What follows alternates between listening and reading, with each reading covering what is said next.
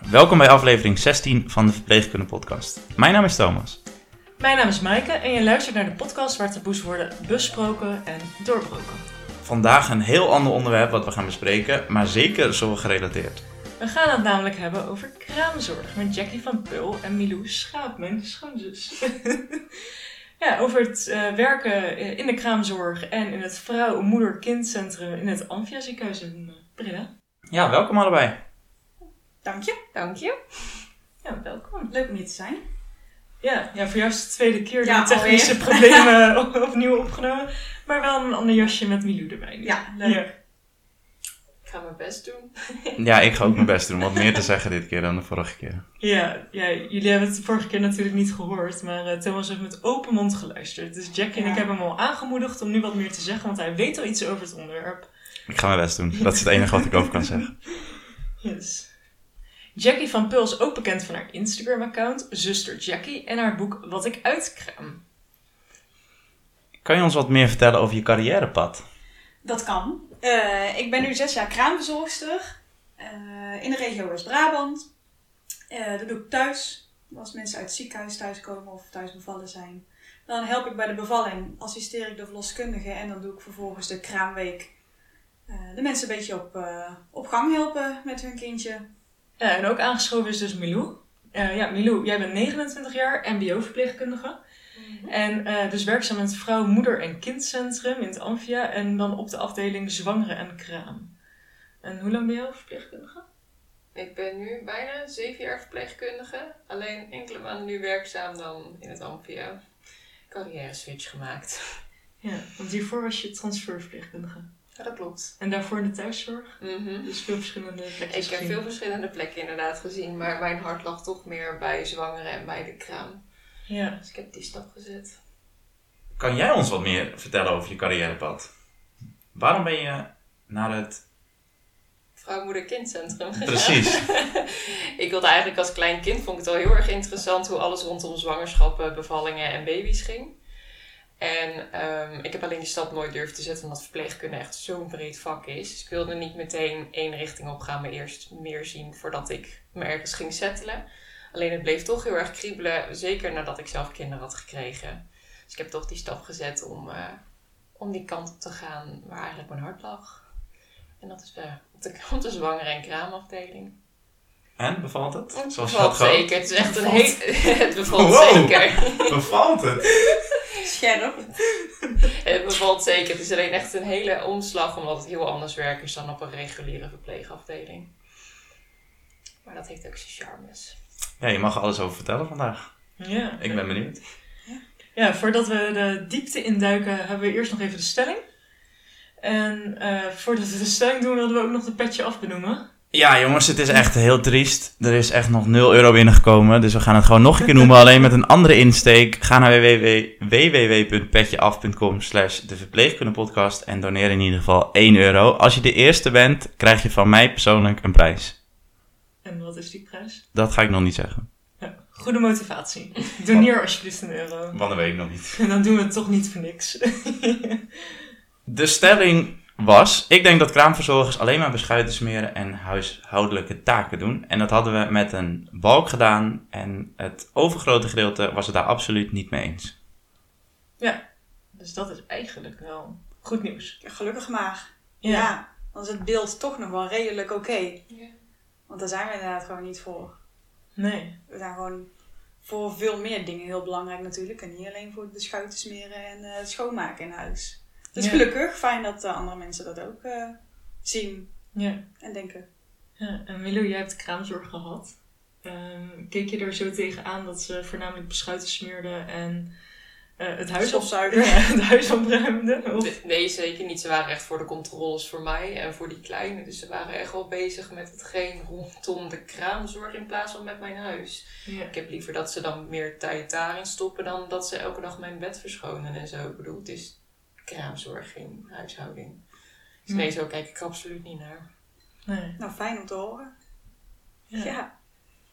Ja, en ja, Thomas, je had de vorige keer ook al gevraagd. En we stellen hem gewoon opnieuw, even alsof de vorige podcastopname er niet is geweest. Maar wat weet jij nou van de kraamzorg? Inmiddels kan ik je alles vertellen over de kraamzorg. Ja. Hij kan er een boek over schrijven. Ik zou er ook een boek over kunnen schrijven. Ja. Ja, wat ik uitkraam 2. Ja. Ehm, ik zal even serieus antwoorden. Ik heb drie nichtjes en een neefje. Dus ik heb wel wat verhalen gehoord van mijn schoonzus, Sharon. Over hoe zij allemaal ehm, ja, geholpen is. En ja, zij heeft alleen maar lof over haar eh, kraamverzorgsters. Dus ja, ik weet wel een beetje wat, wat er gedaan is. Onder andere helpen met de baby's voeden, het verschonen, temperaturen. Ehm, dingen als, als ik het goed zeg, moet elke dag het bed verschoond worden vanwege de hygiëne. Kijk even naar links. Hoeft niet. Hoeft dus niet. Nou, dat soort dingen. Hm. Ik vind dat ik een heel eind kom op deze manier. Ja, zeker. Ja, ik, ik weet er minder vanaf dan dat jij er vanaf weet.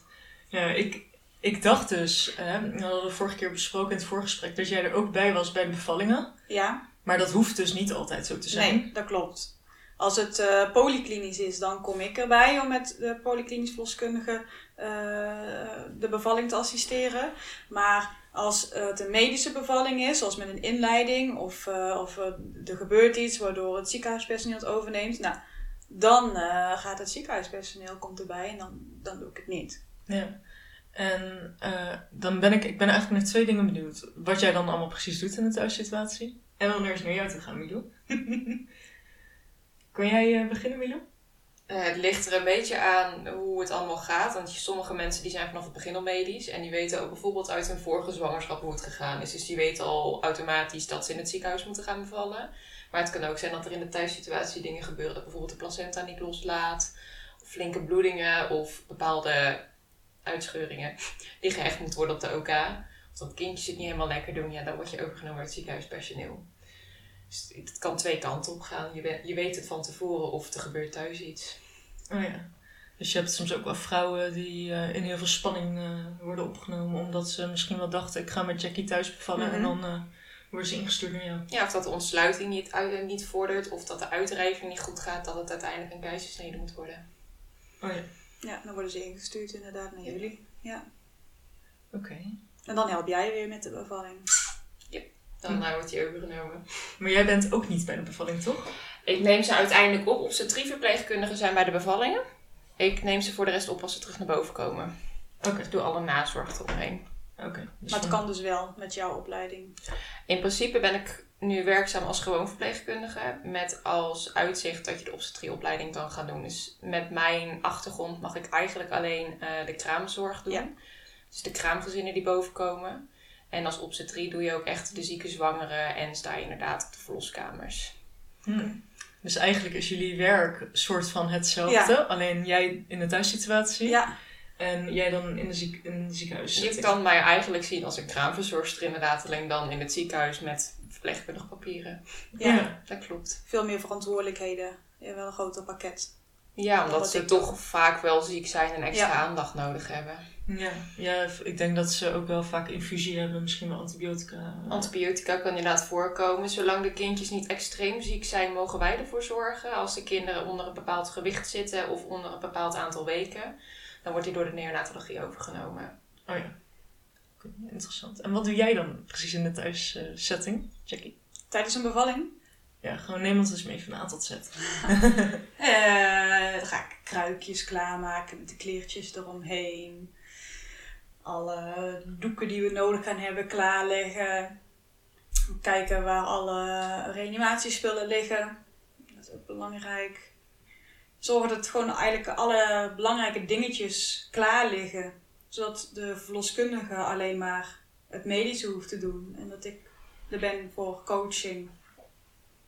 En eh, daarna als de baby er, er is. En dan ga ik dus de baby controleren, aankleden, aanleggen.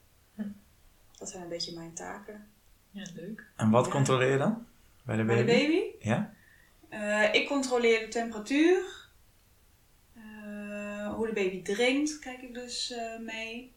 Eh, en eventueel of het kindje dan al gepoept of geplast heeft. Mhm. Verder gebeurt er eigenlijk nog niet heel veel. Want dat doet de verloskundige gewoon. Zij controleert of het kindje goed ademhaalt, een goede kleur heeft. Je hebt toch ook allemaal reflexen die ze testen bij Ja. baby's? Klopt. Maar dat is allemaal voor een verloskundige en niet voor ons. Oké. Ja. En dat is bij jou hetzelfde, Milou? Wij doen in principe elke drie uur met voedingen doen wij de temperatuur inderdaad controleren, hartslag doen we controleren, ademhaling. En voor de rest alertheid en spierspanning, dat soort dingen kijken we allemaal naar. Omdat kinderen soms best wel ziek kunnen worden. En als er de slapjes bij liggen of uh, blauw of grauw beginnen te zien, moeten wij in gaan grijpen. Oh ja. Dus wij kijken net iets naar meer dingetjes, omdat er gewoon meer voor kan komen. Ja, je ligt niet voor niets in het ziekenhuis. Nee, precies. En dat moeten we de eerste 24 uur sowieso, elke drie uur moeten we dat controleren. Oh jeetje. En daarnaast inderdaad ook hoe het gaat met de voedingen en alles. Dus het is een iets breder plaatje waar je naar kijkt. Ja. En wij houden het uiteindelijk ook wel in de gaten gedurende de dag. Maar niet zo specifiek als jullie inderdaad. Dat je echt dat afstreept en doet. Nee, precies. Hier Ja. is het echt van elke drie uur alles Ja, checken, alles in het EPD noteren. Ja. Ja. En hoe hou je dan alertheid bij, bij een baby? Ehm, of een kind echt reageert ergens op. Of een kind nou suf ligt en op geen één prikkel reageert. Ik bedoel, als je een luier gaat verschonen, moet je toch wel enigszins een beetje reactie van een kind verwachten. Een, ar- een ledematen die bewegen of dat je iets in het gezicht ziet. Bijvoorbeeld ziet dat er een compleet ontspannen gezicht is, dat er helemaal niks aan mimiek is, dan moet je toch een beetje af gaan vragen of er niet iets is. Dat hij begint te lachen als je hem een pijnprikkel geeft. nou ja, in ieder geval dat er een reactie op komt. Maar Dat wordt dan psychopaat. ja, inderdaad. Ik heb net zitten lachen om kinderfilmpjes, ja. Ja. En wij hebben op Instagram ook gevraagd eh, hè, of eh, de mensen weten wat voor kennis de kraamverzorgende dan in huis heeft. Ehm, ja, is 33%. Die denkt dat, die weet het. Ik denk het is 46%. En nee, vertel het mij, is 21%. Dus een derde van de mensen die weten het eigenlijk met zekerheid. Ja. Wat jij, eh, Jackie, dan eh, doet in de thuissituatie. En 46% die eh, denkt het te weten. ja, Ja. veel onwetendheid toch nog. Ja, dus, Dus ze weten wel dat we niet doen poetsen. inderdaad. Maar ze weten eigenlijk ook niet zo goed wat Ja. we dan wel doen. Beschuitjes smeren. Ja. ik denk, dat die, ik denk dat die 33% degene zijn die ooit een keertje kraamzorg gehad hebben dan. Ja, Ja. Nou, dat zou best wel eens kunnen. Ja, inderdaad. Dat denk ik ook. Ja. ja, en ja, ons leek het dus leuk om de kennis die wij dachten dat jij zou eh, moeten hebben. En dan trekken we het gelijk eigenlijk door naar Milou. Jij hebt al heel veel verklapt. Ehm, wat fijn is voor ons. Toch, Thomas? Ja, zeker weten, ja. Dat we dat eens zullen gaan opnoemen. Ja. Wij denken dat je veel moet weten over de ademhaling, de temperatuur, poep, borstvoeding en dat je communicatief sterk moet zijn. En plas. En plas. Poep en plas. Poep en plas, ja. Dat is wat we doen als verpleegkundigen. Nou, die zijn in ieder geval allemaal goed. Ja. Dus dat klopt. Dus daar kijk je wel naar. Ja, Ja, waardoor, eh, want we hadden een rijtje van vijf, hè? Ja. We hebben het goed. Alleen we zijn niet volledig. nee, we moeten veel meer op zo'n dag. Ja. Eh, je bent er ten eerste voor moeder en kind. Dus je geeft veel voorlichting. Eh, je helpt iedere drie uur om en nabij met een voeding. Je geeft daar weer voorlichting over. Voordat je voedt of daarna wordt het kindje ook verschoond. Dan let je inderdaad op de controles van de baby. Dus eh, de ademhaling, kleur, alertheid. wat net ook al benoemd werd, let je dan even op. Dan ga je borstvoeden. Eh, het badje waar je vervolgens weer eh, eh, veel voorlichting over geeft. En dan heb je ook nog het, psychische aspect. Dus dat je ook nog mensen een hart onder de riem kan steken, kan helpen wanneer er psychische problemen optreden. Want als je uit, uit het ziekenhuis komt, ja, dan moet je het zeg maar alleen doen, tussen haakjes. En dan is het toch fijn dat er iemand in huis is die eventueel het eh, opvalt als, er, als het niet lekker lijkt te gaan. Dus daar ben je ook heel belangrijk voor. Het vroeg signaleren van dat soort problematiek. Ja. Ook de interactie, hoe het is tussen ouders en vooral dan moeder met baby. Dat je ook gaat zien dat er echt wel een connectie is. dat ze niet heel erg is. afstandelijk zijn. Precies. Want Ja. je ziet ook wel eens dat ouders, heel, vooral moeders, heel erg neerslachtig worden. En dat dat wel een teken kan zijn dat het niet helemaal lekker zit. Dat je niet zo met, met een postpartum depressie komt te Ja. zitten. Oh ja. Ja. Want jij hebt een postpartum depressie meegemaakt, Ja, en toch? psychose. Ja, bij een cliënt van Ja. jou. Ja. Dat is heel heftig. Ja. Er was een hulpbehoevende vrouw in een rolstoel. Ze had vroeger als kind polio gehad. Eh, en eh, haar man is een arbeidsmigrant. Dus die kwam alleen maar hier echt om te werken. Hij was ook heel trouw aan zijn werkgever. Dus zij zat eigenlijk heel vaak alleen. Eigenlijk altijd. En eh, doordat zij zo erg in haar bubbel zat. Borstvoeding die niet lukte. Dro ja, ging ze, kwam ze steeds dieper in een bepaalde roes terecht. Dat ze eerst eh, depressieve klachten liet zien. En vervolgens ons zo heel rare, eh, raar gedrag te laten zien. Zoals in één keer, dat ze dan in één keer zo in de lucht keek. Een paar seconden zo. En, en zo. Nou, en dan was ze er weer. En dan ging ze weer verder met luier verschonen. En een hele lege, doffe blik in die ogen. Ja, dat, dat zijn wel echt hele rare... Waar je denkt, Klopt iets niet. gaat het wel? En dan ook met uitspraken van, nou ja, ik denk dat ik mijn kindje misschien ook wel wegdoe als het niet, eh, niet helemaal, eh, als het zo blijft gaan. Ja. En dan is het zo belangrijk dat je er bent en dat aanhoort, dat andere mensen kan inschakelen en nog zo iemand kan helpen. Zo Ja. vroeg dat het begint. ja, en wat hebben jullie toen gedaan? Eh, nou, voor mij is er uiteindelijk weinig om te doen. Dan luisteren, eh er voor er zijn en het doorspelen naar een verloskundige. Zij speelt het dan vervolgens weer door naar een huisarts. En zo gaan, gaat steeds die trap verder.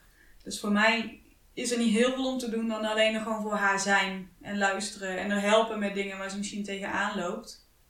Ja. En daarna is het, eh, ja, weet ik het niet zo goed, maar dan, dan wordt er volgens mij geprobeerd om haar psychische hulp te geven. Want je hebt in Nederland eh, zeven dagen, vijf dagen kraamzorg. Acht dagen. Acht, acht dagen kraamzorg. Wat weet jij weinig, Maaike? Ja. Ja, dat komt omdat ik er zelf nooit in heb gezeten. Ja. Ja, acht tot tien dagen. Acht tot tien dagen. Ja. En eh, die mevrouw die had toen dus acht dagen kraamzorg en toen, Toen nog twee dagen erop, twee totaal dagen verlenging, toen tien Ja. dagen. Ja, dan houdt het gewoon wel op. Ja, lijkt me lastig. En dan neemt dus de andere zorg het over. Ja. Ja, en dan moet je het loslaten. ja. Ik heb geen idee hoe het uiteindelijk is afgelopen. Zo zie je maar dat het niet altijd een roze wolk is als dat mensen denken. Nee. Absoluut niet. Nee. En ook weer hoe belangrijk het is dat er iemand is die het signaleert. Ja. Anders had ze daar alleen gezeten. Nou, Ja. wie weet wat er dan allemaal eh, gebeurd zou kunnen zijn.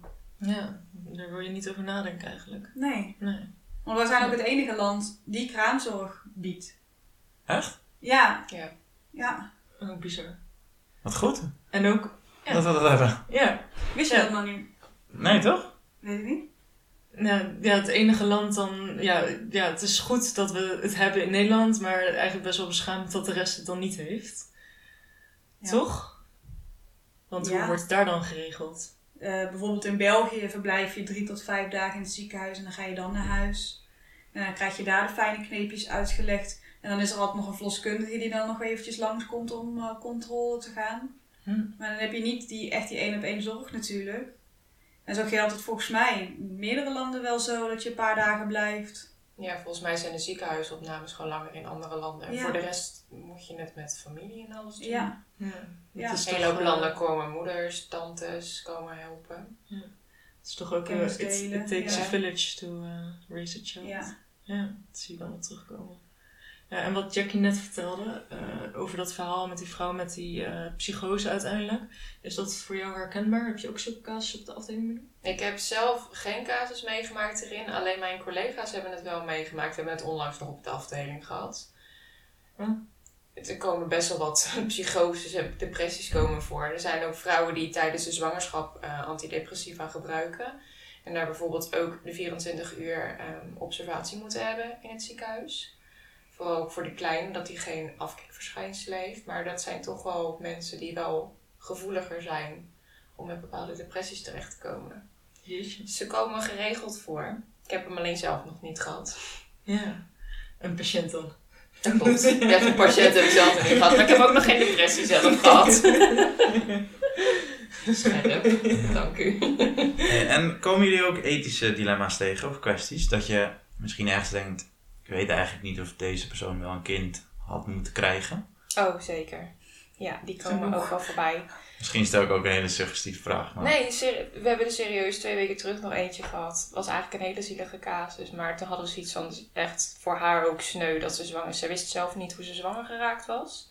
Als islamitische familie. Broers, vader wisten het allemaal niet.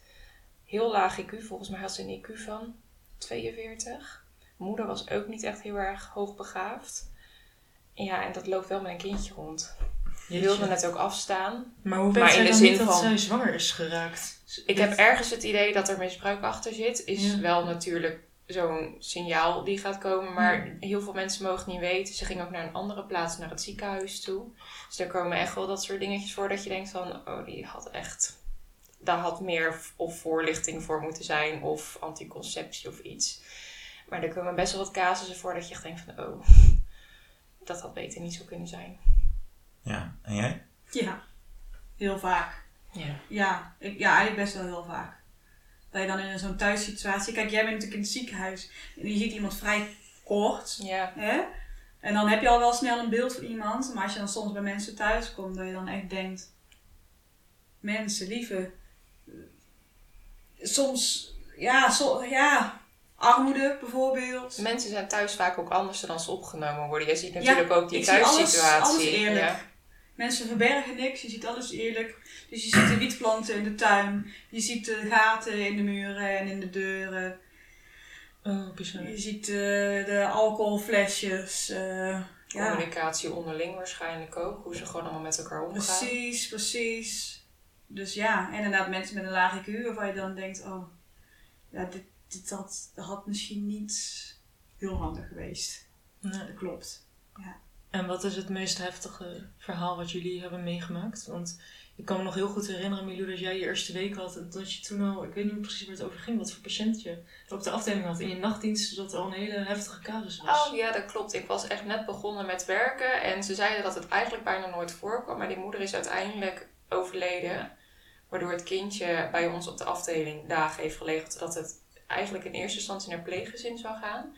Maar daarna heeft toch vader zich erover ontfermd. Had nog vijf andere kinderen volgens mij thuis zitten in de leeftijdscategorie van 4 tot 19 volgens mij. Maar die moeder ging zo hard achteruit, die is toen overleden. Ik dacht, nou dat is wel eh, pittig als je net binnenkomt. Ja, en ja, hoe sta je daar dan bij als eh, verpleegkundige zonder eh, je hebt je eigen kraamervaring als enige kraamervaring en dat je dan zorg moet gaan verlenen? Ik vond het vooral heel erg dat je niet weet wat er uiteindelijk met dat kindje gebeurt. Want iedereen trok eigenlijk zijn handen ervan af. Dat is denk ik ook een beetje de cultuur daar. Maar gewoon alles wat dan in gang gezet wordt met dingen zoals veilig thuis en zo. Dat ik denk, oh je, je gaat eigenlijk vanuit je bevalt, het moet een mooie tijd zijn. Maar het is eigenlijk zo'n donkere wolf die er toen hing. Ja, jeetje. En ook dat zij is overleden en dat dat kindje eigenlijk Die ligt daar helemaal alleen. Ja. Ja. Dus, eh, want ik kan me ook herinneren dat jij nachten dat eh, onze schoonmoeder dat zei dat jij toen nachten met dat kindje hebt gewandeld, toch? Ja, en ik heb Ja. met dat kindje gewoon zitten builen. Want dat kind ligt dan te huilen. En normaliter doe je die aanleggen voor troost. Krijgt hij voeding. Of wil die ruikt en hoort mama. Maar die was er niet meer. Dus onder de collega's gingen we elke keer met dat kindje builen. Die Ja, lag bij ons op de post. Ja emotioneel. Ja, dat was echt heel zielig. Het was ook heel moeilijk dat dat kind wegging. Elke keer vragen we ons ik. toch af van... Goh, hoe zou het met hem gaan? Ja, ja een soort van jullie kindje van de afdeling. Ja, eigenlijk wel. Iedereen wist ervan. Zelfs verloskundigen kwamen soms naar de afdeling toe om eventjes te kijken hoe het ging. Nou, sneu casus zeg. Ja. Heel erg. En ja, jouw heftigste casus? We duiken er gelijk helemaal diep op in. Ja. Eh, ik heb veel heftige casussen. Eén daarvan is waar het vijfde kindje werd geboren. En eh, die mensen hadden ook wel een laag IQ. Er waren ook onder bewindvoering. eh, ook al gewoon eh, onder toezicht van... Ik weet nu even niet meer precies welke instanties. Maar ze stonden al in het daglicht, zeg maar. En ik kwam daar en er waren geen kinderen. En ik weet nog dat ik toen zei van, oh, waar, waar is de rest allemaal? Want ja, ik vind dat wel leuk als de rest er ook bij is, van die kinderen. Ja. Ja, nee, die, die wonen hier niet meer. Oh, oké. Ja, dan hadden ze dan twee, eh, twee oudere kindjes. Die waren al een tijd geleden uit huis geplaatst. Hadden ze zelf, nee, deze waren uit huis geplaatst, ja. Allebei ook bij een ander gezin. En toen hebben ze daar een tweeling gekregen. En die hadden ze dus twee weken voordat dat nieuwe babytje geboren werd, hadden ze zelf uit huis laten plaatsen. Omdat het allemaal te veel was. En, Ah. Ja, dus toen kwam dus die nieuwe baby. En dacht ik, nou, dit is wel een beetje apart. Ehm, en toen we het over anticonceptie gingen hebben, wat we altijd de eerste week doen, eh, had hij zoiets van, ja, ik ga, nee, ik ga mezelf laten steriliseren. En ik zeg, oh, oké, ja, nou, hartstikke goed. En ik wilde eigenlijk wat tips geven voor in de tussentijd, hè, dat er dan niet nog een zwangerschap zou komen. En toen keek ze me aan en zei ze, nou, dat weet ik nog niet hoor. Wie weet wil ik nog wel een kind. Nee, dat gaan we niet doen. Ah, En toen dacht ik, nou, dit is wel heel erg. Ja, dan doe je deze baby weer weg om weer voor de volgende Ja. te kunnen zorgen. Zo. Wat schokkend zeg. Ja. En ja, daar is dan een bepaalde toezicht op, maar dan toch ook weer niet. En dan mensen kunnen dan gewoon verder kinderen blijven krijgen, terwijl het eigenlijk helemaal niet de goede situatie is daarvoor. Dat is toch gek? Ja, dat zijn wel eh, goede ethische dilemma's inderdaad. eh, ja. En misschien fijn om voordat we naar het volgende onderwerp gaan, eh, want we wilden ook die roze wolk gaan bespreken waar jij het net over had, Milou. Om misschien nog even een leuk positief verhaal te vertellen, voordat het zo eh, zware lading krijgt. Ik weet niet of, eh, als ik dat zo vraag, of jullie al een voorbeeld in jullie hoofd hebben. Ik vind het gewoon mooi om te zien als ik bijvoorbeeld naar keizersnedes gezinnen naar boven haal. Dat ze echt gewoon helemaal glunderen. Dat echt gewoon het er bijna afspringt van geluk. Daar word ik zelf ook gewoon helemaal vrolijk van. Zo'n nieuw gezin die dan helemaal van scratch begint. En dan die vaders die zo trots zijn en mama's overal bij helpen. Ik bedoel, het is niet allemaal zo grijs. Sommigen zitten echt op een roze wolk. En dat is echt zo mooi om te zien. Ja, mooi om te horen. Ja. Wij eh, waren net met Jackie eh, naar een filmpje aan het kijken dat er eh, iemand aan het bevallen was. Ja, En ik zeg, oh, ik word zo emotioneel. Ik word altijd emotioneel als ik bevallingsfilmpjes zie. Niet, jij zei ook, heb je rammelende eierstokken? Dat niet per se. Dat had ik al toen ik Mom keek. Dat zei ik toen ook. Maar Gina. zo mooi altijd. Ja, het is iets Ja. bijzonders. Ja. Het is aan de ene kant zo normaal, maar aan, de andere kant is het ook gewoon echt een wonder. Want het is helemaal niet vanzelfsprekend dat je zo makkelijk kinderen kan krijgen of dat een bevalling supergoed gaat. Ja. Dus het blijft eigenlijk elke keer weer een wonder als je ziet hoe een bevalling gaat en hoe mooi dat eigenlijk is. Ja. ja, daar weet jij zelf natuurlijk ook wel eens van. Ja, dat klopt. Ja, ik weet niet of je dat wilt delen. Dat hebben we besproken. Eh, nou ja, mijn eerste die is met 28 weken geboren. En mijn tweede heb ik wel gewoon thuis gekregen. Dus voor mij is het ook echt een wereld van verschil in hoe ik een kindje heb gekregen. Ik ben de ene keer ben ik medisch geweest. En de hele malle molen van eh, IC's tot afdelingen. En de andere kant was wel weer heel mooi thuis. Ja. Ik heb wel twee compleet verschillende ervaringen.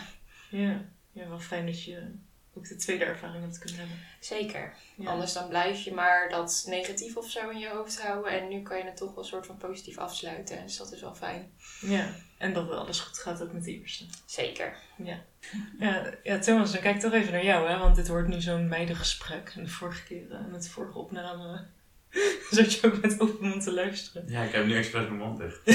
ja, inderdaad. Dat gaat je heel goed volgens mij. Ja. Maar als jij nou aan bevallingen denkt, eh, vind je dat dan ook zo mooi als dat wij nu dat omschrijven? Of hoe kijk jij daar naar? En je wilt hier een eerlijk antwoord op? Ja. Nee. Waarom Nee, is grapje. Kijk, ik vind Ja. een bevalling heel mooi. Ik denk dat het een van de mooiste dingen is om een kind te krijgen of kind te baren. Ik heb geen idee hoe het eruit ziet, want ik heb het nog nooit gezien. Ja, dus daar kan, kan ik verder weinig over zeggen. Ja. Ja, dat is denk ik het meest complete antwoord dat ik kan geven. Ik zit niet in de hoek van, oh het is echt vies of iets. Nee, het is gewoon wat het is. Ja. Een lekkere plastische benadering. Ja, dat denk ik wel. ja. ja. En jouw mooiste verhaal, Jackie? Ehm, er zijn er ook weer heel veel natuurlijk. Maar wat ik wel heel gaaf vind, is als je dus mensen helpt thuis. eh, dat er gewoon iemand is met een handicap, een man, dat weet ik nog niet, als een verlamde arm. Die deed het niet zo heel goed meer. Die wilde zijn kindje in bad doen. Dat ging uiteindelijk niet zo heel goed, want de kracht verloor ineens uit zijn arm. En toen ging dat kindje onder water. Ja, maar iedereen was er vrij rustig onder. En eh als iets van, oh oké, nou hè, doe maar gauw op je andere arm. En toen heb je het uiteindelijk toch gewoon nog met onze hulp af kunnen maken. En was hij wel weer hartstikke trots. Je kan dan wel iemand leren van, oké, probeer het dan niet zo te doen, maar zo. Of, en dat vind ik wel heel mooi. Dat je Ja. gewoon iemand wat dingen kan aanleren en dat ze dan daarna super trots zijn dat ze het zelf doen. Ja. Ja. En die rust die jij over je heen hebt gehad, denk Ja. ik op dat moment, was ook heel belangrijk. Ja, ja, hij kan, ja het was, niks- er gebeurde niks heel ernstigs. Het, het gleed gewoon, gewoon langzaam zo een beetje in het water. En ik kan dan wel roepen, oeh nee, pas op. Maar dan schrikken die ouders zich ook wezenloos. Ja. En nu is het nog wel gewoon een positieve ervaring geweest. ja. Baby's hebben toch ook een zwemreflex? Ja, de eerste periode ze volgens mij dat ze Ja. wel wat met water. Maar dat, moet, dat is volgens mij na een paar maanden of zo wordt dat wel minder. Ja, ik weet het alleen omdat ik ooit een keer een reclame heb gezien waarbij je dan een baby half ziet zwemmen. Ze doen ook met het Ja. babyzwemmen, doen ze kindjes, doen ze onder water. Maar op een bepaald moment moet je dat niet meer doen, omdat ze dan kunnen schrikken en dan krijgen ze water binnen. Maar dat reflex is er in het begin Ah, inderdaad nog wel. Ja. ja. Ik hoorde van eh, vriendinnen gisteren dat je dan in het gezicht moet blazen. Als ze schrikken of iets. Nee, voordat ze onder water gaan. En dan doen ze de ogen dicht en de mond. En dan onder water. Ik heb dat zelf eigenlijk nog in één keer bij de kinderen gedaan. ik geloof ik meteen. Ik blaas juist in zijn gezicht om ze te stimuleren als ze even niet reageren. Ja, ja, ik ook. Ja. Als een kindje even stopt met ademen of zo, Ja. dan blaas je in het gezicht en schrikken ze en dan komen ze vaak weer. Ja, eh, komen ze weer bij. En dat weet je ook, toe. Ja, dat zijn hele onregelmatige ademhalingen. Ja. Baby's. Klopt. Je ziet vaak als ze aan de monitor liggen, dan kan je al die apneus en bradies en zo zie je allemaal voorbij komen. En dan ben je daar alert op. Maar ouders hebben geen besef dat dat bij een gewoon op tijd geboren baby ook zo is. Vaak als ze heel diep slapen zie je dat ze heel oppervlakkig ademen. Dan in één keer komen ze en dan gaan ze weer door met oppervlakkig ademen. Mhm. Dat is natuurlijk. En wist jij dat toen je die eerste kreeg? Eh, ja, dat hebben ze me wel uitgelegd toen. Kijk, bij mijn oudste was het natuurlijk zichtbaar op de monitor, omdat het bijgehouden werd. En toen werd ook uitgelegd van, als ze op tijd geboren zijn, hebben ze hier ook last van, wel in mindere mate dan bij een prematuur. Ja. Maar dat is me toen wel uitgelegd. Ja, want als verpleegkundige weet je natuurlijk wat die monitor betekent en eh, wat je daar allemaal op ziet. Klopt. En dan, eh, zeker met die saturatie, eh, ja. Ik had gisteren toevallig nog een moeder, die had een filmpje gemaakt en die vroeg inderdaad van, is dit normaal met het ademhalen? Ik zeg, ja, dat is volkomen normaal, maar goed dat je het gefilmd hebt. dan kan je het in ieder geval laten zien.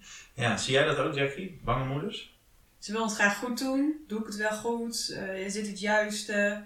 Moet het zo? Gewoon veel twijfel. In die zin veel angst.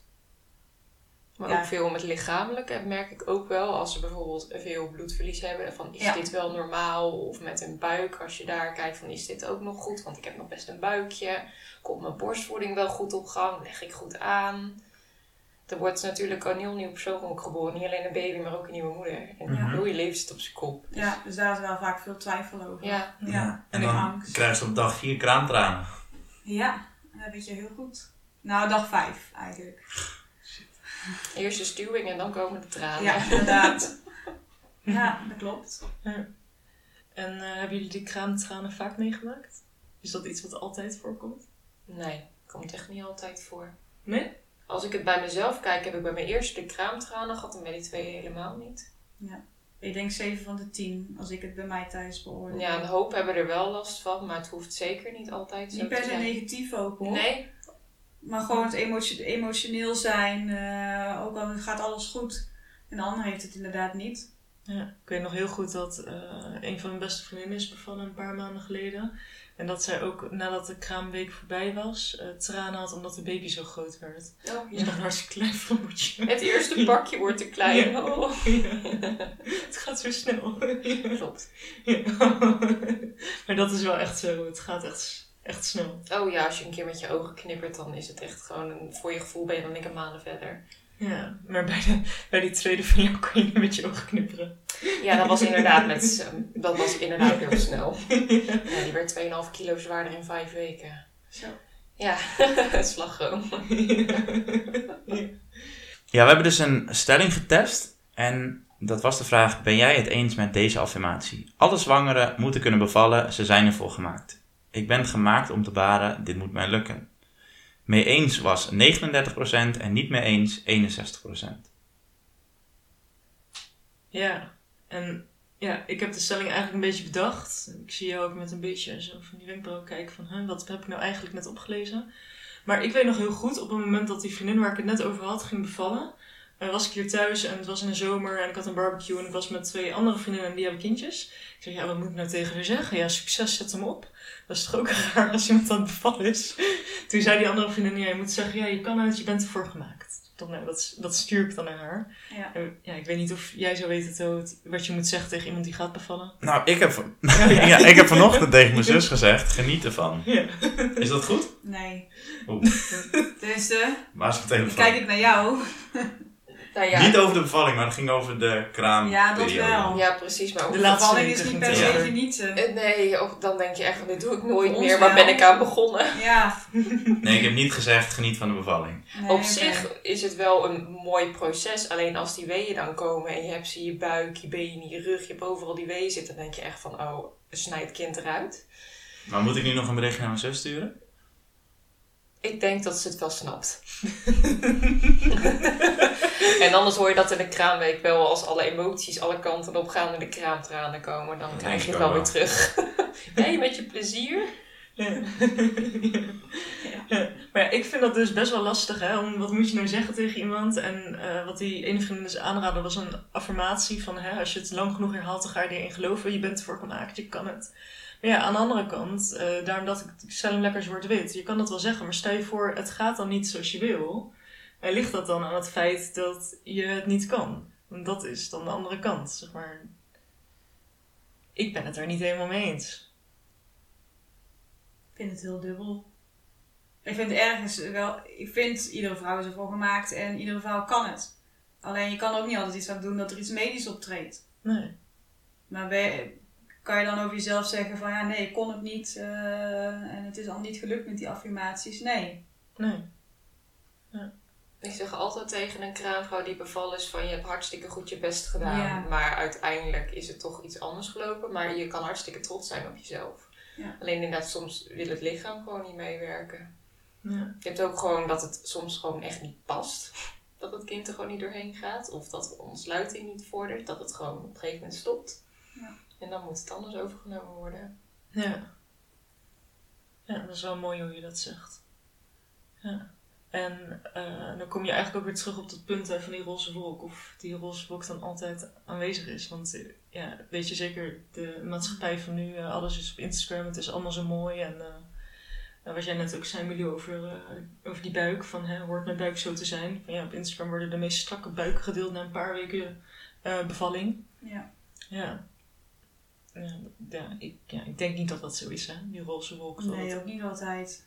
Ik denk dat het maar voor heel weinig mensen weggelegd is dat er een roze wolk is. Ik bedoel, of het is iets lichamelijks met jezelf, of het is een bevalling die je nog aan het verwerken bent, of je hebt een kind die de hele al bij elkaar krijst en dat dingen niet lukt. Ja, dat, daar word je toch gewoon fucking gefrustreerd van als je kind de hele nacht ligt te janken. Je wordt op een gegeven moment gewoon geleefd en dan leef je echt op je tandvlees. Dus ik denk echt dat, ja, dit is mijn voordeel, of vooroordeel, maar ik denk dat er bijna niemand kan zeggen dat ze op een roze wolk leven. Maar niet vaak in ieder geval. Nee. En dat, ik heb de vorige keer van jou geleerd dat eh, als de placenta wordt uitgedreven, dat er dan ook een hele grote wond achterblijft. Dat klopt. Ja, Ja. kan je dat In de nog een keer- baarmoeder. Ja, in de baarmoeder. Want dat veroorzaakte toch eh, de buik ook, het bloedverlies in de buik. Ja. Ja. Dat klopt. ja, dus het is normaal om een buikje te hebben als je bent bevallen. Ja. Er is daar zoveel gebeurd in die buik. Of het nou een seksshow is geweest of, of, of een vaginale bevalling. Daar heb zoveel druk op gestaan. En eh, al die organen zitten overal en nergens nog. Dus het is inderdaad dan super normaal dat er dan nog een buikje is. Ja. Ja. buikspieren die helemaal naar de zijkant gegaan zijn, waardoor er nog een soort van opening tussen Ja. zit. En het is natuurlijk helemaal opgerekt in Ja. negen maanden tijd, over het algemeen negen maanden. Dus het is niet zo gek dat het dan nog een hele tijd duurt voordat het weer Klopt. Terugkomt in zijn originele staat, als dat nog komt. Ja. En de Ja. baby is ook gewoon beschermd geweest, beschermd geweest door vet. En dat zie je in eerste instantie niet als een vrouw zwanger is. Maar op het moment dat het babytje eruit is, dan, hè, dan is het en het vel, maar ook vet voor de bescherming van de baby, wat dus nog steeds om die buik zit. Hmm. Dat wist ik ook niet. En dat is ook niet binnen één dag weg. Ja. En die zwangerschap is ook niet altijd een roze wolk, hè? Want ik, had, ik dacht dus altijd, nou, als, als je het geluk hebt dat je zwanger mag worden, dan word je zwanger. Dus heb ik dat wel eh, van mijn moeder geleerd. Je, Ja. je, krijgt, je neemt geen kinderen, je krijgt Ja, je kinderen. krijgt kinderen. Ja, dat. Ehm, en eh, nou, die vriendin 1 was dus zwanger en alles ging eh, super easy. Vriendin 2 werd zwanger. En ik denk, nou, ze is in één keer misselijk en ze voelt zich niet lekker. En dat houdt gewoon echt tot, tot nu nog, zit een week 39 zit ze nu. Houdt dat nog gewoon aan. Ja. Ja. Het is toch gewoon dik hard zeker- werken, een zwangerschap, of niet? Ja, Ja. het is topsport. Ja, toch? Ja. Jazeker. ja. Maar ik wist dus niet dat er zoveel, ja, hoe zeg ik dat goed, voordat ze ontwetend overkomt. Ik wist niet dat er zoveel vrouwen ook last konden hebben van zwanger zijn, naast dat het hard werken is. De, de een heeft echt nul klachten inderdaad. En de ander die loopt van week, eh, wij spreken de, de eerste week tot aan de laatste week met gigantische misselijkheid. En bekkeninstabiliteit of mensen die plat moeten liggen. Ja. Ja. Eigen ervaringsverhaal. Precies. Ja. Dus nee, het- dus ik, ik heb eigenlijk, altijd heeft iemand wel ergens last van, voor mijn gevoel. Ja. Zullen we doorgaan naar de vragen, want we hebben nogal wat. ja, ik wilde het net zeggen. Ja. Maken jullie seksualiteit en intimiteit bespreekbaar? Ja. Ja. En zo ja, hoe? Dus voornamelijk bij ontslaginstructies. Het is natuurlijk best wel plastisch in een medische situatie, maar als mensen met ontslag gaan geef je leefregels mee. En dat is dat je zolang je vloeit eigenlijk geen seks met elkaar mag hebben. Zolang je vloeit is zolang je bloedt. Zolang je bloed inderdaad. Zolang je bloedverlies hebt, dan heb je een kans dat er infecties optreden, omdat er dan nog een mond van binnen zit. Dus eigenlijk zolang dat dan nog is, heb je geen seks met elkaar. Dus dat soort dingetjes moet je wel uitleggen. En over anticonceptie en hele reutemeteut. Dus eigenlijk is bij ons meer een paar leefregels die je meekrijgt. Oké. Heb jij er nog iets aan toe te voegen? Nee, hetzelfde. Maar stel je voor je bloedt niet meer na een week, dan kan je dus wel... eh, Zo, Ja, dat je kan. Het kan, ik weet niet of je eraan moet denken, maar het Ik dacht dat het gewoon zes weken, de eerste zes weken gewoon niet. Ja, Ja. in principe inderdaad de eerste zes weken niet. Maar ja, het is... Tenminste, zijn- niet op die manier. Nee, precies. Hm. Zullen niet de eerste zijn die na drie, vier weken al denken, kom maar op. Maar in principe zes weken niet. Ja. Kom maar op. En eh, die arbeidsomstandigheden in de kraamzorg, eh, is dat te vergelijken met de verpleegkunde? Misschien kan je wat, Denk ik. zeg maar, opnieuw nemen, want ik praat er doorheen. Nee. ik, ik denk het niet. Ik denk dat het heel anders is. Jij werkt met een rooster. Dat klopt. Ik heb gewoon mijn vroege dienst, mijn avonddienst en mijn Precies. nachtdienst eh, ergens door een maand verspreid. Ja, En jij bent natuurlijk een hele week, ben jij overdags bij een... ja, maar ik weet dus niet wanneer. Net zoals nu, sta ik aankomende zondag sta ik op wacht om 8 uur s ochtends. Maar dat kan een paar dagen duren. Ja, Dus precies. ik heb nog helemaal geen idee hoe, hoe mijn wereld eruit ziet volgende week. Nee, Of bij welke gezinnen je terecht Precies. Gezin. Eén Ja, gezin, toch? Gezin of twee gezinnen, ligt eraan hoe druk het is. Ja, want hoe drukker het wordt, hoe minder jij werkt per gezin. Ja. Dan ga je dubbelen. Dan ga je de uren verdelen. Dus dan ga je meer werk. Moet ik het goed zeggen? Ja, dan ga je meer werk stoppen in minder tijd. Ja. Ja. Ja, en wij moeten natuurlijk altijd formatie hebben voor als er opnames komen. Dus wij werken gewoon inderdaad volgens rooster. klopt. Ja, en je werkt ook, eh, jij werkt ook acht uur, neem ik aan. Ja, ik werk acht uur dienst Ja. inderdaad. Ja, ik ook. Dus dat is, dat is wel hetzelfde. Ehm, En je werkt zoveel dagen achter elkaar, toch? ja, ik werk acht dagen aan één stuk. Acht tot tien dagen. Ja, ik werk gewoon 24 uur in de week ergens verspreid zo Precies. mijn diensten. Dus ik werk niet zoveel dagen achter elkaar. Nee. Nee. Lijkt me wel intens. Ja, het is heel intens, omdat je privéleven leidt er wel onder. Ik vind het nu meevallen, want ik hoef niet nachtdiensten te draaien. Ik heb twee dames in het team zitten die doen de nachten. Dus die staan van 4 uur s middags tot 8 uur s ochtends eh, op wacht. Dus als er dan een bevalling is, dan, eh, dan hoeven wij daar niet heen. Dus na 4 uur is het voor ons in principe klaar. Maar normaal gesproken in de kraamzorg eh, sta je net zo lang op wacht tot je een gezin hebt. Dus dan kan het ook s'avonds en s'nachts zijn. Dus dan kan je nooit iets afspreken. Nee. Dus wat dat betreft is het eh, niet echt de meest leuke. Wil voor je privéleven. Nee, Niet de meest Ja. ideale werkomstandigheden. klopt. Werk en privé is niet zo heel erg in balans. Maar ik moet zeggen eh, dat ze bij mijn werkgever, bij Kraamzus, echt wel proberen personeel nu meer tevreden te krijgen. Door ehm, bijvoorbeeld op rooster te werken, mama-contracten te introduceren. Zodat je gewoon nog wel steeds je kind naar school kan brengen, vervolgens naar je gezin gaat. En dan na een paar dagen werkt en dan overgenomen wordt door iemand anders bijvoorbeeld. Want het loopt leeg bij ons. Ja, ik wou net zeggen, ze moeten op een gegeven moment ook wel andere arbeidsvoorwaarden doen. Ja. In deze Iedere- tijd is het echt schaars om kraamverzorgsters te krijgen. Iedere jonge meid die eh, zelf een gezin begint, die stopt ermee, want het valt niet te combineren. Nee. Dat is wel heel jammer.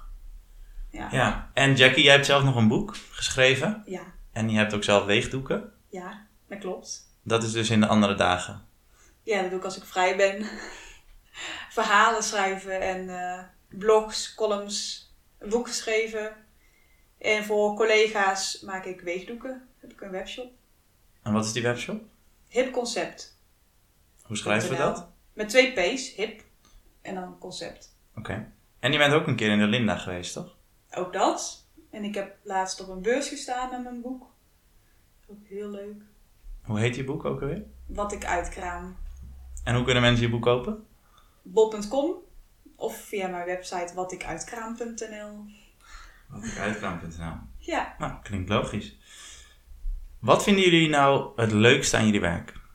Ik vind het het leukst om de opstart te maken van een compleet nieuw gezin. Mensen die zijn helemaal ontwetend over het algemeen. Maar ja, al is het je derde kind. Gisteren zei moeder nog, ja, dit is mijn derde, maar ik ben een hele hoop alweer vergeten. Ze allemaal op de rit helpen. En eigenlijk gewoon een beetje ehm, ondersteuning geven voor het nieuwe leven die ze tegemoet gaan. Je bent eigenlijk een soort van, ja, hoe moet ik het zeggen? Ja, ik vind het een beetje lastig. Nou, mooi beschreven denk ik. Ik snap wel wat je bedoelt. Een leermeester. Ja, je bent een leermeester voor ze. Ik denk, je bent een docent. Maar... Een leermeester, een houvast. Ja, Ja. Ja, ikzelfde eigenlijk. Ik denk er ook zo over. En het moeilijkste? Dingen bespreekbaar maken vind ik wel heel lastig. Dus stel er is kindermishandeling of iets, of iets ernstigs. Ja, dan moet ik wel tegen die mensen gaan zeggen van ik heb dit gezien, geobserveerd. En dan moet ik dus ook aan hun mededelen dat ik dat moet gaan melden. Ja, dat vind ik niet heel eh, leuk. Dan ben ik natuurlijk de boeman in het verhaal. Dat is lastig. Dus als er zoiets is, heb ik het een paar keer meegemaakt, dan doe ik dat met een verloskundige samen. Want dat vind ik wel heel moeilijk. Ja, want dat beschadigt dan je, de band die je met die mensen hebt. Want waarschijnlijk moet je nog een paar dagen bij ze blijven. Klopt. En ik moet daarin nog echt leren dat ik daarin best professioneel mag zijn. En dus ja, ja, jammer dan dat dan misschien de band iets minder is. Maar ik moet wel kunnen zeggen wat ik opmerk natuurlijk. Ja, dat wij even geen, eh, geen goede vrienden zijn voor een uurtje. Ja, nee, je bent er inderdaad om te helpen en je hebt je meldplicht en je hebt eigenlijk het Ja. allerbeste met ze voor en dat is niet altijd leuk. nee. Ja. Want voor jou is dat misschien makkelijker, omdat je in het ziekenhuis werkt en dat overdraagt aan iemand. Ja, dan maak je een melding inderdaad en dan komt er een apart team die in het ziekenhuis werkt. Dat komt dan inderdaad. Ja. Dus in die zin is het inderdaad iets makkelijker. Ja. En eh, we kregen een vraag binnen over dat je een tweede boek gaat schrijven op Curaçao. ja, dat is Oké. wel het plan. Ja. Ik denk wel dat het een uitgesteld plan gaat worden. Want ik wilde eigenlijk aankomend begin, begin aankomend jaar naar Curaçao gaan. Voor drie, vier maanden om daar te werken en kraamzorg te geven. Dat is trouwens dan weer wel een ander land die dat wel heeft, maar dat is voornamelijk particulier. Ja, en het is natuurlijk ook eh deels Nederland. Ja, klopt. Ja. Ja. dus dat wil ik heel graag en daar wil ik dan een tweede boek over schrijven. Ja, tof. Ja, Ja. en vooral ook om eens te kijken wat de verschillen zijn. Dat zou ook echt een heel cultuurverschil zijn Ja, als je bij die mensen wel. over de vloer komt. Met Nederlanders daar natuurlijk niet. Maar eh, ja, de Antilliaanse mensen wel. Ja, dat zal toch anders zijn. Dat denk ik ook wel. Ja, Heel veel familie. Ja? Ik denk het wel. Ja. En eh, Oké, en waarom is het uitgesteld? Het boek is uitgesteld? Nee, überhaupt het avontuur is een beetje uitgesteld. Ja, je moet dan van tevoren natuurlijk ook een werkgever vinden, eh, woonruimte. En door alle drukte is eigenlijk dat dan wel een beetje... Op de lange baan geschoven. Ja, heb ik er niet echt werk van gemaakt. Dus nee, dat gaat me denk ik voor begin van het jaar niet, niet meer lukken. Nee. wel een mooi plan. Ja. Ja, Harry heeft toen ooit een deadline van zijn boek gezegd, hè? Ja. Wil je dat nu ook doen? Ik heb het ook met mijn boek gedaan, maar met dit eh, weet ik niet. Ja. Ja, en we kregen ook een vraag binnen voor jou, Milou. Ehm, want, en die vraag is super makkelijk te beantwoorden, denk ik. Via welke weg kom je waar je nu werkt met een MBO-diploma? Dus een MBO-diploma. Ik denk dat het per werkgever verschilt. Maar waar ik werk bij het Amphia stond de vacature open om als algemeen verpleegkundige op de afdeling te werken. Ik weet niet of dat bij elk ziekenhuis zo is. Maar in ieder geval, daar kan je gewoon als verpleegkundige daar werken. En zou je eventueel opleiding kunnen doen. Ja, tof. Maar ik denk dat dat per ziekenhuis verschilt. En heb je de knoop al doorgehakt of je de opleiding wil gaan doen? Moet het eerst een beetje rustiger zijn thuis. Met twee, jonge kinderen erbij. Je moet dan ook extra werken. Je moet dan 32 uur werken. Ja. En ik werk nu 24 uur. ja, en onregelmatig natuurlijk. En een opleiding. Precies, dus je is een beetje rust in de tent. Ja. ja. En er was ook een vraag gesteld, echt specifiek aan jou. Eh, welke informatieve boeken rondom het onderwerp raad jij aan die makkelijk te lezen zijn? Ja, Weet jij dat, Jackie, misschien? Zit in je Mijn telefoon boek beneden? zou ik willen Ja. lezen. dat is Mijn een boek. pocket. Ja. Oh, van Compendium. Ja, precies. Van Companion is er een pocket van eh, gynaecologie en obstetrie. Daar staat echt superveel in over zwangerschappen, over het vrouwelijk lichaam. Met allemaal plaatjes erbij, duidelijk uitgelegd. Dus dat vind ik echt een superhandig boek. Daar kan je makkelijk even bladeren. kan je iets opzoeken, kan je het erbij houden. Daar staat echt superveel in. Dus dat is eigenlijk een boek die ik best wel gebruik. Dus het boek van Compendia. Ja. Koop Ja. het met Maaike 10, dan heb je 10% korting. Oh, nou, Zo, fijn. wat een reclame hier. ja. Zo, nog- Schud hem zo in de mouw. Ja, zal nog een keer www.watikuitkraam.nl noemen? Ja, inderdaad. Ja, en eh petje.af misschien, als jullie toch geld aan het uitgeven zijn. Het wordt kerst binnenkort, dus eh, ik zou zeggen kopen mensen. Jackie pakt ook haar moment. Is er nog iets wat we niet beantwoord hebben nu, een vraag? Nee, dat niet. Zou die nog iets willen zeggen? Ja. Ik hoop dat het taboe een beetje doorbroken is hiermee. Dat je niet alleen maar denkt dat je voor huishouding langskomt, maar dat kraamzorg echt zoveel meer inhoudt en dat het eigenlijk super belangrijk is. Dat mensen een ander beeld hiervan hebben gekregen. Ja. En dat ze die zorg in het ziekenhuis net zo goed krijgen. Precies. Dat het niet meteen is van ik ben medisch, ik lig in het ziekenhuis. Dat het zo afstandelijk en alles is. Maar daar proberen we zoveel mogelijk goede en warme zorg te leveren. Alleen dan helaas niet thuis, maar Ja, maar ik denk ook niet helemaal, helaas niet. Want ik denk dat er ook wel veel wel overwogen de beslissing maken om in het ziekenhuis te bevallen. zeker. Ja. ja, mooi. Ook leuk dat jullie elkaar zo aanvullen. Dat er twee taboes zijn doorbroken. Zowel eh, Ja. ja, in de thuissituatie als in het ziekenhuis. En ik hoop dat wij elkaar nog gaan tegenkomen, want wij gaan binnenkort een partensporel beginnen in het Amphia. Oh, kijk. Dus wie weet. Ben benieuwd. Ja. Leuk. Wat is Ja. een aparte spoel? Een partensporel is een... partus is bevalling. Ja. Nou, en pool is dus Een team. een team. Bevallen in een pool? Ja. Dat kan ook. En ehm, nou, dus, dus wij gaan dan in het Amphia gaan wij eh, eh, tegenwoordig assisteren. Binnenkort kun je Met de polyklinische bevallingen. Bij de polykliniek. Hmm. Ja. Dus je komt jullie nog tegen bij de polyklinische bevallingen dan? En dan mij ook Nou, een misschien paar op de wandelgang, eh, hè? Ja, als ik een patiënt beneden ophaal vanaf de verloskamers. Oh, leuk. Ja, Ja. zou kunnen. En wij over een paar jaar hadden we afgesproken, hè? Kom je met mij Ja. samen. Ja, inderdaad. Dan kom ik jou helpen. Ja. En Thomas, als hij ook een keer... eh, De klaar Naar is. onder de rivier verhuisd. Ook dat. Ja. Naar Ja. West-Brabant. Of je moet een kamertje in je huis hebben voor Jackie. Je bent er toch... eh, Ja, ik heb over een paar jaar een heel groot huis. Nou, dat komt mooi uit. Dan kom ik bij jou eh, de hele week helpen. dat is een mooi voornemen. ja, ja, bedankt Jackie dat jij ons hebt meegenomen in de kraamzorg. Graag gedaan. En dat we wat meer duidelijkheid hebben geschept over wat je als verpleegkundige en kraamverzorgende kan doen in deze sector. Bedankt voor het luisteren. Fijn dat je de aflevering helemaal hebt afgeluisterd. Heb je nog tips of vragen? Dan mag je ons altijd mailen op podcasttaboedoorbreken.gmail.com Ja, en die petje af nog een keer. Ja, www.petjeaf.com slash de verpleegkundepodcast kan je ons al voor 1 euro steunen. Dan doen we het alsnog niet voor niets. Maar Oh. wel met heel veel liefde voor het vak. Ja. ja, vergeet de podcast niet te liken en te subscriben. We hebben al wat ratings binnen, super tof om te zien.